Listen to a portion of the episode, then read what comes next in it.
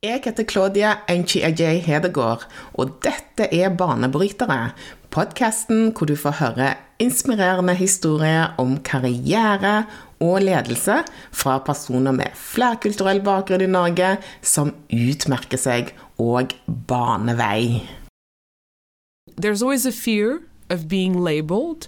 There's always a fear of being labeled, but I believe that that fear is a very short lived experience.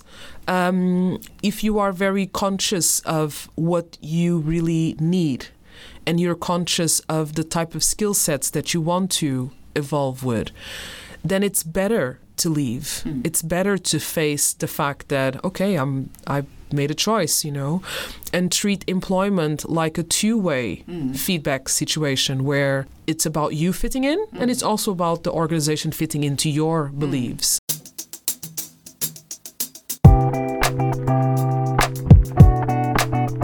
Ukas gjest er Fatima Sani, som brenner for eh, bærekraft, innovasjon og teknologi. Hun er administrerende direktør for og medgründer av eh, selskapet XIQ, og har før dette her hatt en lang internasjonal karriere innenfor teknologi med en rekke ledende produkt- og kommersielle posisjoner i selskapet som eh, Microsoft og Google. Før hun starta i sin eh, nåværende rolle, så var hun direktør for Business Operations i Cisco. Hun har lang erfaring med å jobbe på tvers av landegrenser og kulturer, bl.a. Singapore, Mosambik og England.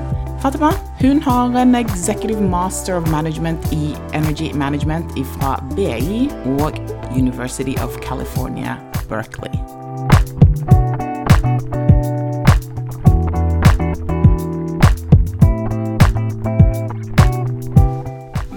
Velkommen, Fatima, til Banebrytere. Tusen hjertelig takk. Veldig hyggelig å se deg. Ja, i like måte. Ja. Nå har vi jo prøvd å få dette her til veldig lenge. Ja. Du ble syk med korona, jeg ble syk med korona, og så gikk det liksom tre måneder Ja, før vi fikk det til. det er sant. Etter korona begynte vi å heise.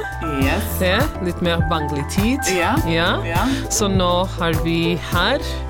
Ja, tusen takk for invitasjonen.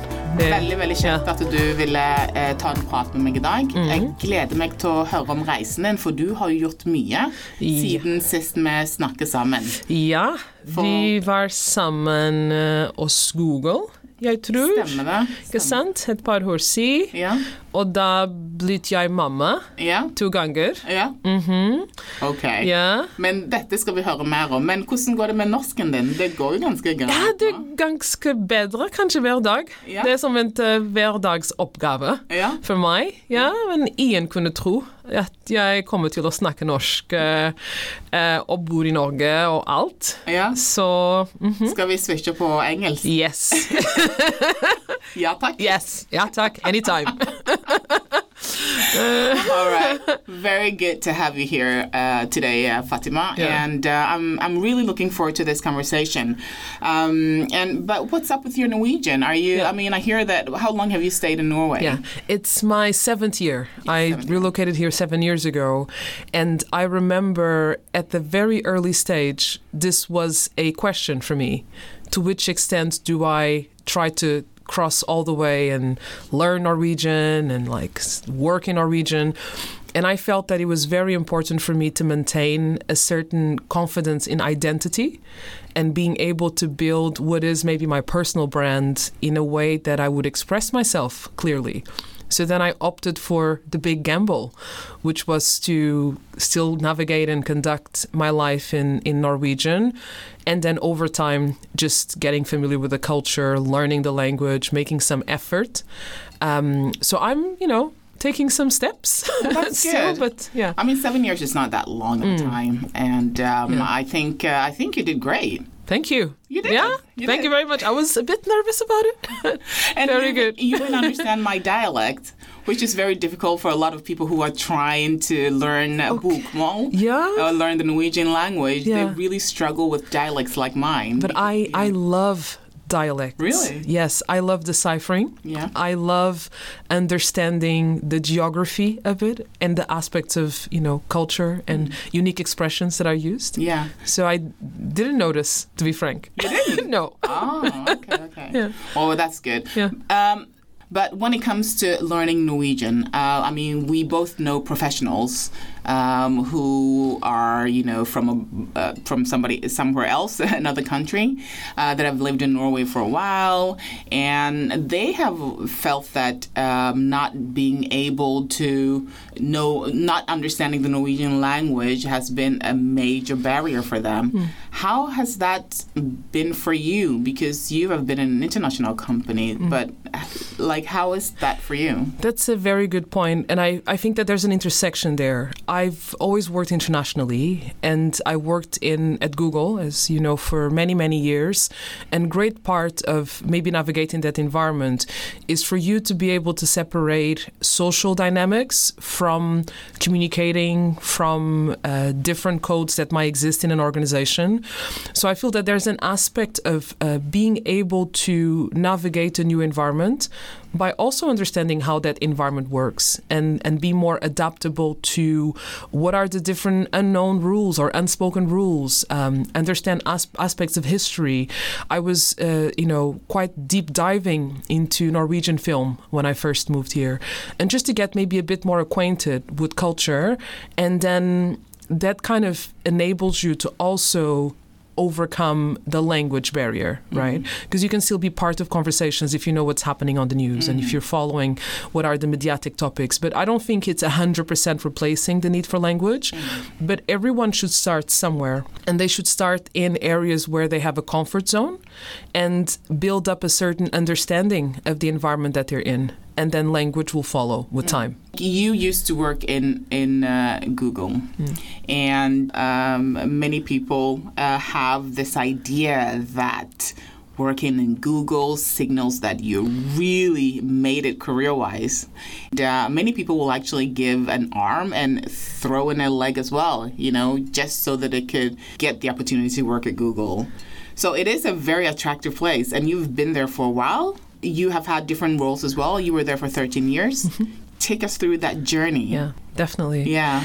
I must say that I was almost fresh out of university. I was living in the UK. I did my education there and then I started working uh, in London.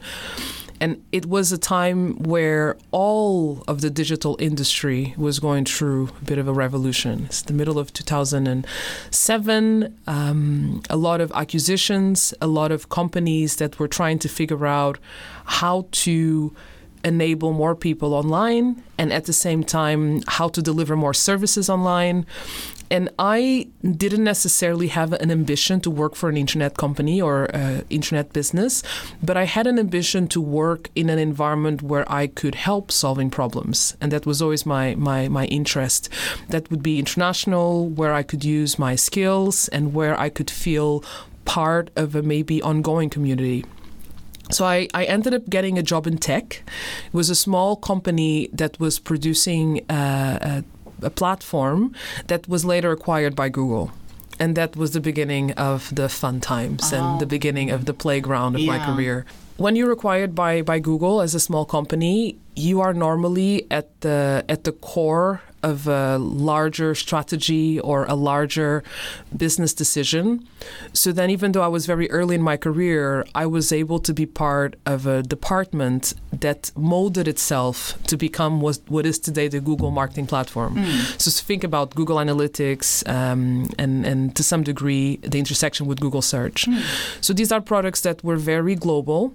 Uh, they were on demand and it enabled me to understand how can i use the fact that i speak a few languages. I'm quite curious about the world. I had relatively good people skills and i knew that the company needed to be better at engaging with external stakeholders outside of google. So then i've leveraged maybe that positioning to really understand I want to learn the product more. I want to see how can it be applicable outside of the current environment that it's in. And I've indirectly then developed what we call a career in go to market, which is a career um, that evolves on individuals that understand technology, mm. but they're more focused on understanding how can you convert that into a solution or into a business model. So it was a very rewarding period. Uh, Google has changed a lot as an organization in, in those 13 years that I was there. But I was able to pivot and maybe even in a way that I wasn't too intentional about my career, but still trying to see where can I fit in mm. and trying to see where in the organization are my skills relevant, building a network and, and not being afraid to ask questions. And that ultimately led me to understand what opportunities were out there, understand the direction that the company was going to, and then uh, volunteer sometimes even for projects mm. as a way to gain new skills.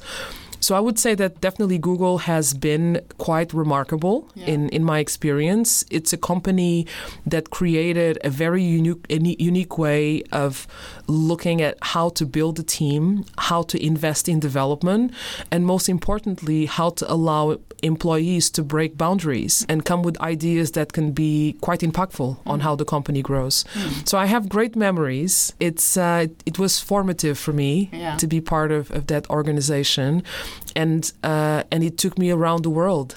So Amazing. what else could I ask for? I mean, you've Rewind? been to Singapore. You've been you've been to like how many other how many yeah, what other places I, have you been to? I was uh, from London. I relocated to Spain. Mm. Uh, I'm Portuguese, mm. so there was a certain like adaptability when it comes to to the language and and being able to work in that environment. And then from Spain, I relocated to Singapore, and I was still on the same department, so doing a lot of product support and and like consultancy to Google towards Google customers. And in Singapore, I was exposed to Southeast Asia. So I mm-hmm. spent quite a lot of time then uh, working in product launches in Indonesia and Thailand, Malaysia. I visited some of those other, let's say, uh, countries in, in the area. So it was mind blowing to yeah. see so much of the world. And then it's a brand that is so identifiable no matter where you go. Mm.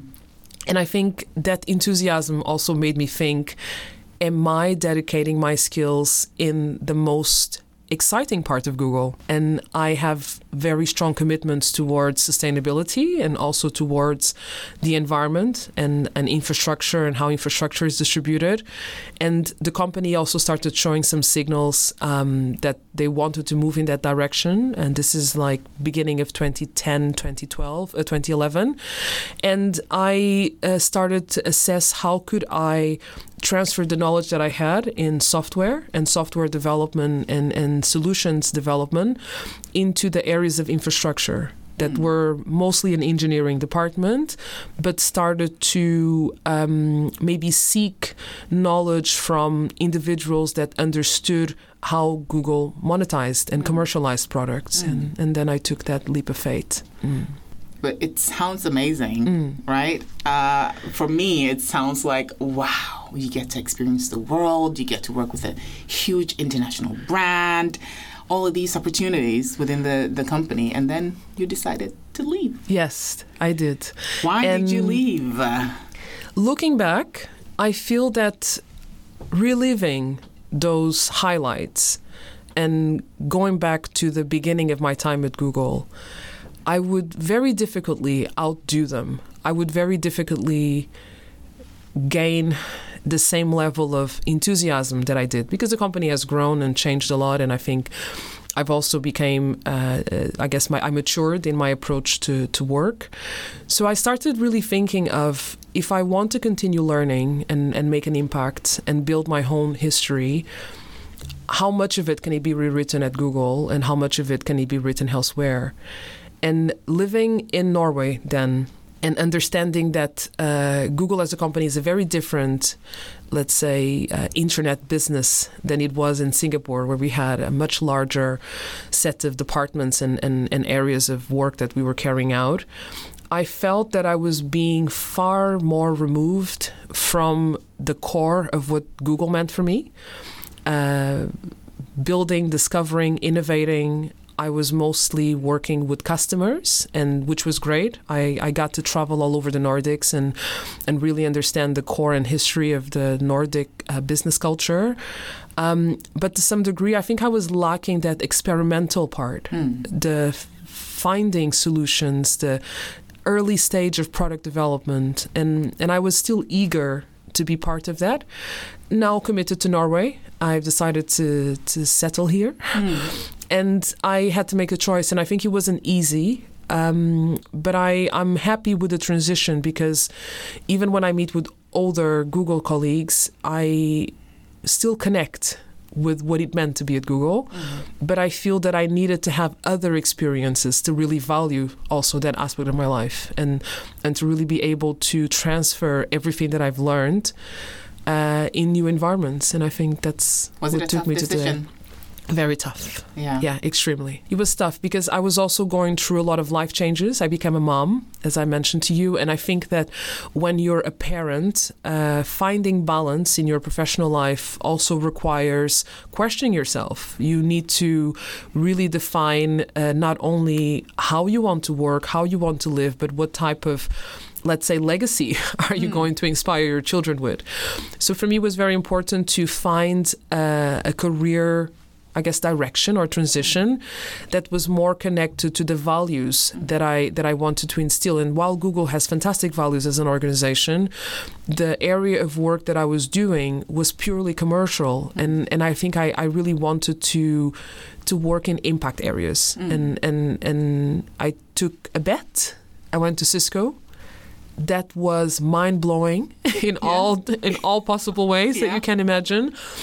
It's a very different organization. It was a fantastic role, um, but a, a performance and maybe cultural environment that was more reliant on the legacy of what Cisco has developed rather than adaptability. And in the middle of COVID, started a new job. I, I had to take a step back and I decided that maybe this was not where I should be. It wasn't my calling. And it took some, I don't know if I can say the word balls, but Yeah. Yeah. Balls. Definitely. balls is possible yeah. to say. Yeah. It took definitely some some courage to say that I think after almost 13 years at Google, that first decision wasn't the correct one for me. So I, I decided to take a step back, take a break, and then You re-engage. I resigned. You're resigned. Yeah. Exactly. I resigned. Oh my goodness. I was. Did you have anything else to go to before you uh, resigned? Uh, no, I I had conversations to understand my positioning, to kind of understand, and it wasn't that I was applying for jobs. I was actually reaching out to people in my network and outside my network, to kind of understand. Hey, here is my trajectory. What's happening in your organization, and try to hear from them. And and that's an actually an approach that I've taken even while I was at Google. I would reach out to people and basically say, "Hey, what do you think about my skills? Where would you put me?" And I I think that that was quite helpful outside of Google because I think I realized that my decision making process to choose uh, a new company didn't take into account maybe the totality of what I needed as a professional, which was more to do with. Um, that was an aspect that I needed to assess about my full professional experience, which was understanding the purpose of my job, the purpose of why you get up in the morning, why you choose to spend eight hours of your day away from from the rest of your life. So I I, I feel that it was important to take that as a learning experience. At some point in your career, I believe everyone should make a mistake or or make a choice that wasn't completely thought through mm. because you learn a lot mm. in in that process and I think that's that's definitely what happened to me. Yeah. Because you were there for Cisco for six months, right? Yeah, 6 months, just over 6 months. Yeah. M- Other people might think that is she like a bit stuck up-ish or something like did you get anything of that because uh, Yeah. people have this weird thing about Short yeah, employment yeah, journeys. yeah, yeah. they have this weird obsession with Yeah. and equate it sometimes with maybe not having enough stamina or maybe not Hmm. being I, I don't know I think that uh, definitely, and and that was something that crossed my mind. I didn't want to come across as someone who was you know, hopping or whichever terms you are normally used.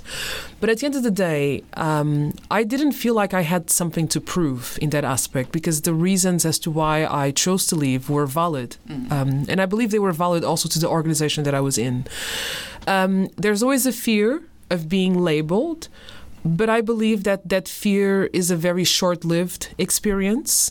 Um, if you are very conscious of what you really need and you're conscious of the type of skill sets that you want to evolve with, then it's better to leave. It's better to face the fact that okay, I'm I made a choice, you know, and treat employment like a two-way mm. feedback situation where it's about you fitting in mm. and it's also about the organization fitting into your mm. beliefs. And when that's not balanced, I believe it's much better to just leave. take a step back and Yeah. Reassess. But I think it's it's really really cool, Fatima, because it is a tough decision, um, especially when you don't have something directly to go to. Uh, so it's bold, but um, I really admire the fact that you made that decision and said that this is not really aligned with who I am, with my values, and then you left. But let's talk about now. You have taken this huge step of being a CEO and co founder of a startup. And you have to help me pronounce this startup name. XIQ. XIQ. So it's not like XQ. No, it's XIQ. It's XIQ. Sustainable Impact Quantification. Um, you know, wow. When I hear you say it, Yeah. uh, it amazes me. And I feel so um, happy and so inspired that in that whole journey, I was able to do some work in terms of really searching through what really is it that I want to do and and and what is the direction that I should take. So right before, uh, right after leaving Cisco, I've actually signed up for a strategy course at Harvard online.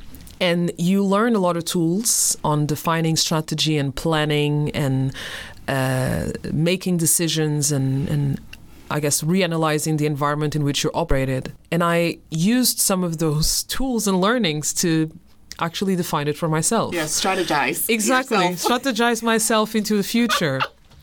and uh, something that I learned at Google was exactly to think about the future, to think about how and and to which degree things will change and how can you position yourself as part of that change. And i i was certain that i wanted to work in a sustainability um, topic or a sustainability domain.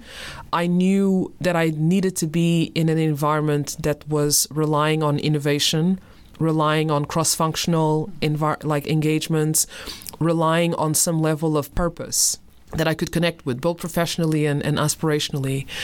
So I did a quick, uh, you know, uh, search query, very uh, precise, on the typical job searching uh, like uh, websites, and then in the middle of summer, I get this result that I had to reread several times, and I said, "Wow, wow, wow! This is exactly Yeah. the job I'm looking for."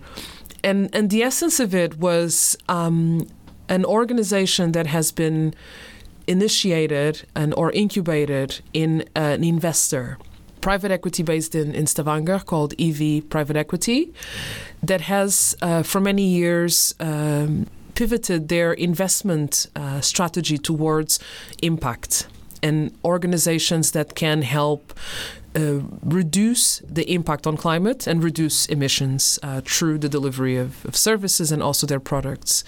And in that process, they had a need. And that need was for uh, some technology that would help them to have a better understanding of how their allocation of capital as an investor uh, actually contributes to companies that are impacting climate. And they looked for tools, they couldn't find it, and they, they ideated their own tool. And in the process of ideating, they validated it. They decided to form a business in partnership with uh, two other companies, so Avenue and Arkwright. And um, they posted a job that was perfect for me. And what was the job? the CEO and co-founder of XIQ. It sounds really It's- fancy. It's insane. I, I still knock on wood, Yeah. literally, uh, very often.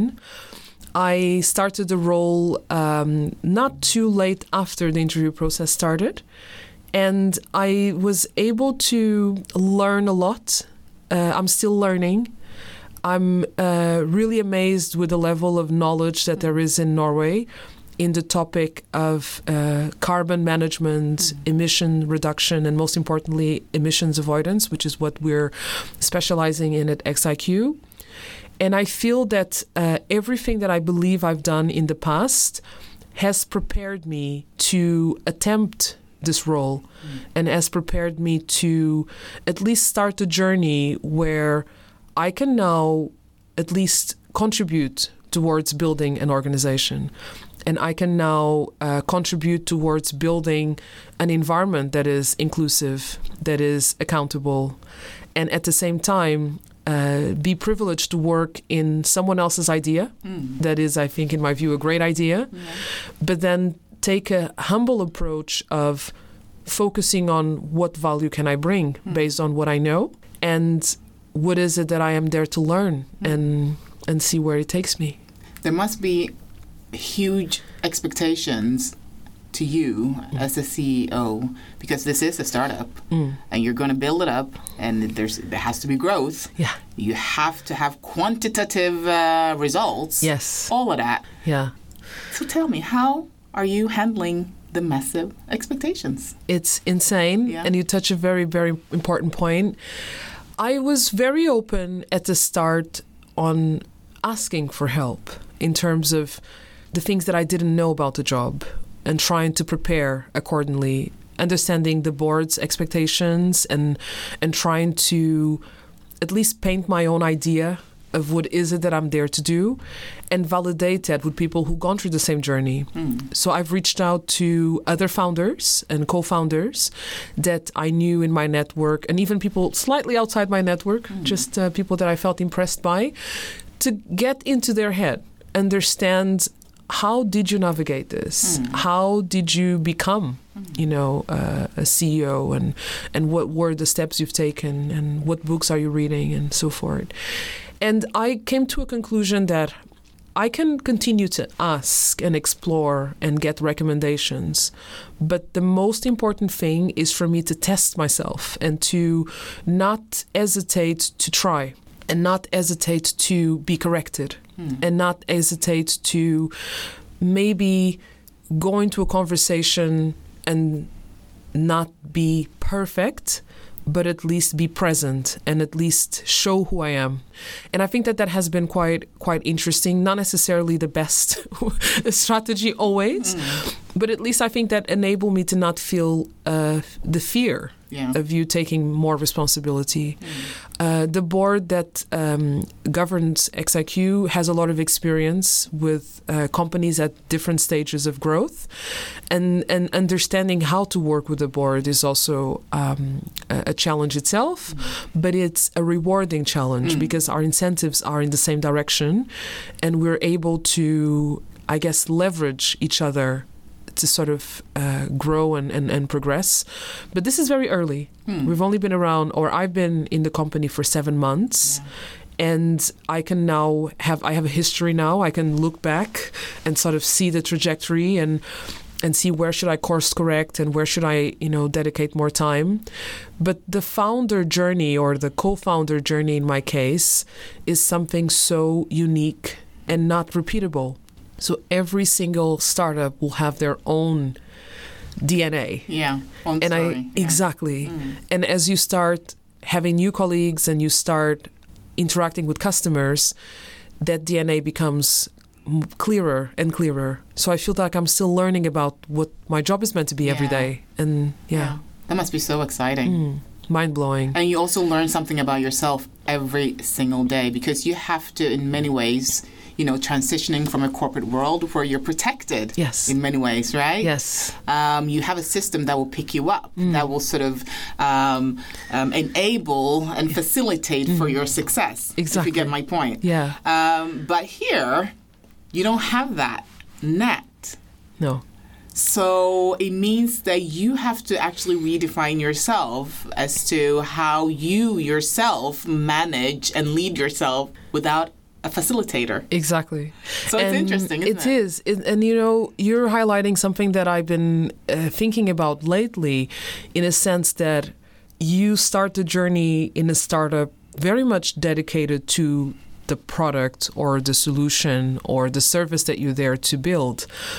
And then at some point in that journey, you start realizing how important it is to have all of those supportive guidelines, uh, cultural values, the definition of, you know, what is success for both you, your co-founder, and everyone in, in the organization. And the lack of, of maybe that type of infrastructure, if you want to call it, is a challenge because then potentially everyone in the organization is looking at you or hoping to engage you in in that definition and you're also still going through the journey of defining it yourself. So i'm i'm i'm attempting to find that balance and attempting to really establish you know at what point you know do you take a step back and and try to focus on the core without losing momentum in, in the bigger picture of things. Um, but Norway has a fantastic ecosystem of startups, and I'm really impressed with the amount of openness that I found in, in the community, if you want to put it that way. And I, I feel that um, from a accessibility, there's definitely a lot of resources and a lot of um, support that is available. But then managing your time and managing your focus is possibly the hardest. Yeah. Mm. So, what do you think will be your greatest challenges in uh, this role? Well, we just touched on one, right? Um, but I feel that from a, a, a corporate perspective, the business area that we are in is um, addressing the financial sector, which is uh, currently undergoing a lot of regulation when it comes to sustainable investments and and what it means to be a climate positive investor. So for us at XIQ, it's extremely important to understand what those regulatory changes actually mean to our potential customers and to which degree we should focus on the core of the product that we are developing versus all of the other possible solutions that we can deliver. So having a certain uh, precision on on what we deliver and then for me personally is really the balancing act between moving away from being operational and moving away from being detailed into navigating towards enablement right? So that i'm not creating and also blocking the navigation of our growth. So i think it's it's kind of interesting um, to find that balancing act between starting something and then creating a structure so it can flourish. What problem are you trying to solve with the company, uh, uh, Fatima? Yeah, that's a good question. So XIQ is a climate tech software. We leverage carbon accounting to help investors decarbonize the allocation of their capital, which basically means enabling them with methodology that can help them understand the long term impact that a company may have so that they can allocate their investments and, and their dollars to companies that are sustainable in the long term rather than sustainable based on today's operations. Ah, so it gives them more accuracy exactly. when they're put. They know where they're putting their money. Exactly, and it's it's all about guaranteeing some predictability.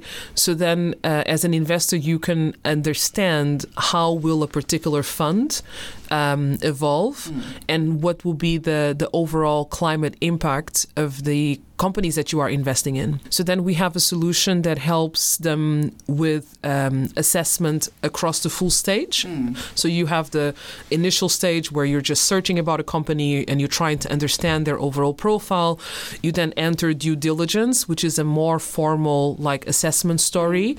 And once that company becomes an active investment, we provide tools that enable the investor to pretty much follow up and have a open dialogue or a transparent dialogue with the particular uh, investment target so they can take action towards continuous uh, emissions reduction and also emissions avoidance yeah.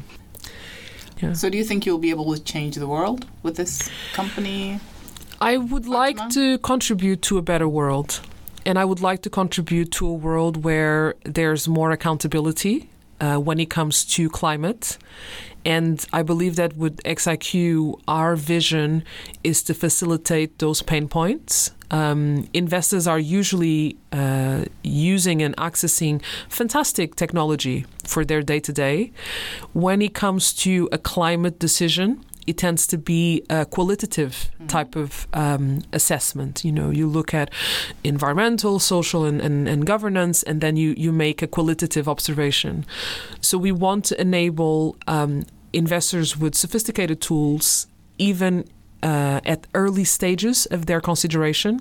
So you're just investigating about a company and you need to build a quantitative view on climate. That's what XIQ is there uh, for to really disambiguate uh, investment from a current climate situation to the total picture and the total impact that a company can deliver in its journey. When you look back, what are the key learnings that you're you're taking with you uh, from your many years in Google to the company that you are uh, CEO for at the moment? I had a recent conversation where, and this is an old friend, someone I studied with. Uh, way before we started working and, and doing all of these professional adventures. And I still feel the same. Like, I still feel as uncertain, as curious, as inquisitive as I was when I started working because I feel that I've been able to really feel grounded in who I am professionally based on seeking values or hmm. seeking that sense of meaning. Hmm. So, one of the things I can reflect when I decided or when I attempted to start this international career, I had as a criteria the opportunity to work in different countries hmm. so that I could gain a better perspective of, you know, what is the world and and you know, history and culture and all. And and that became my sort of passion. So then I think having that sort of interest made sure that whenever I had an opportunity to work abroad and, and be an expatriate, I felt very dedicated and very local mm. to the country that I was in. And I I really love the fact that I look back and feeling authentic is maybe the, the sort of constant. Being able to reconnect with colleagues and friends from these different stages of my life and, and kind of realize that even though it's been a long journey, there's still a lot of meaning as to who I believe I wanted to be, and then that I'm somewhat walking those footsteps, you know, to some degree hmm. now. So that's definitely something for me to sort of reflect and, and, and build on. And I, I feel that work and the professional presentation of, of you know people needs to continue to be more personal. Hmm. And this is what maybe the recent situation with COVID has done is that we all took work home and we all learned more about who we are individually, but most importantly, the people that we're working with, mm. the conditions on how they operate, and and and even like the their stories and their life. And I feel that raising a certain normality to who we are as people at work is what enabled a girl from the suburbs of Lisbon, the daughter of immigrants, to be able to navigate life in such incredible I guess experiences, you know, both professionally and then and and personally. So I'm I'm a big advocate Yeah. for authenticity. Yeah. I love that. I really love that. I mean, that authentic leaders, authentic people, I think that's a thing now, mm. isn't it? It, but maybe it's a fashion. you know, maybe I'm just part of the fashion. you know? Exactly. Being authentic self. Yeah. So, what is your next step? At XIQ, we're building a team. We are commercializing and uh, bringing all of the knowledge we've had and, and gathered in this early stage of MVP and market validation And that's where the fun begins when you start having concrete conversations with prospects and and you're trying to um, create that opportunity to establish a relationship and a contractual relationship. We're also looking at ways of partnering and looking at the ecosystem, mostly in Norway, since we're based in, in Oslo, of other partners and contributors that can help us scale uh, the product. So I think it's it's an interesting sort of coordination or orchestration. You're never just doing one thing. You're uh, focusing on on different angles and and trying to anticipate what's happening uh, in the ecosystem, what's happening with regulation, what are the concerns of your customers, and then be relevant. So mm. it's uh, it's a lot. What about Fatima personal? You know, I I'm at the stage of my life where I started to invest a lot in myself. I had a, a, a curious sort of um, situation. As I mentioned to you, I have two two children, and time for yourself is normally challenging. So I started dedicating myself to short short-lived hobbies. I've been skiing since I've moved to Norway, oh, really? but never very good. I will say, never very good, but good enough to be out and, and enjoy, you know, being in the mountains and sort of explore that aspect of Norwegian life. I signed up to a ski competition in December, and I've been practicing with a friend throughout most of winter. And the day before the race, it was overwhelmingly difficult for me to accept that I was going to be on a race. So I, I chose not to. And and that was quite interesting because I'm normally this kind of person that I go all in, I'm just gonna go. But letting go and just enjoying the fact that I dedicated myself to go up to Holmenkollen on a regular basis every week and see all the great skiers passing me, and I'm there in a vulnerable, slow pace, really showed me that um, it's a stage of my life where I can just go for things and and enjoy the process of navigating them. So I'm I'm trying to sort of build this, I guess, resilience, stability, um, but also enjoy all the you know unexpected turns that I know I'm going to be taking with the company and yeah. It sounds very exciting. Mm. I will be following you quite closely. Thank you. get updates uh, on how things are going. Uh, mm. it was a pleasure talking to you today.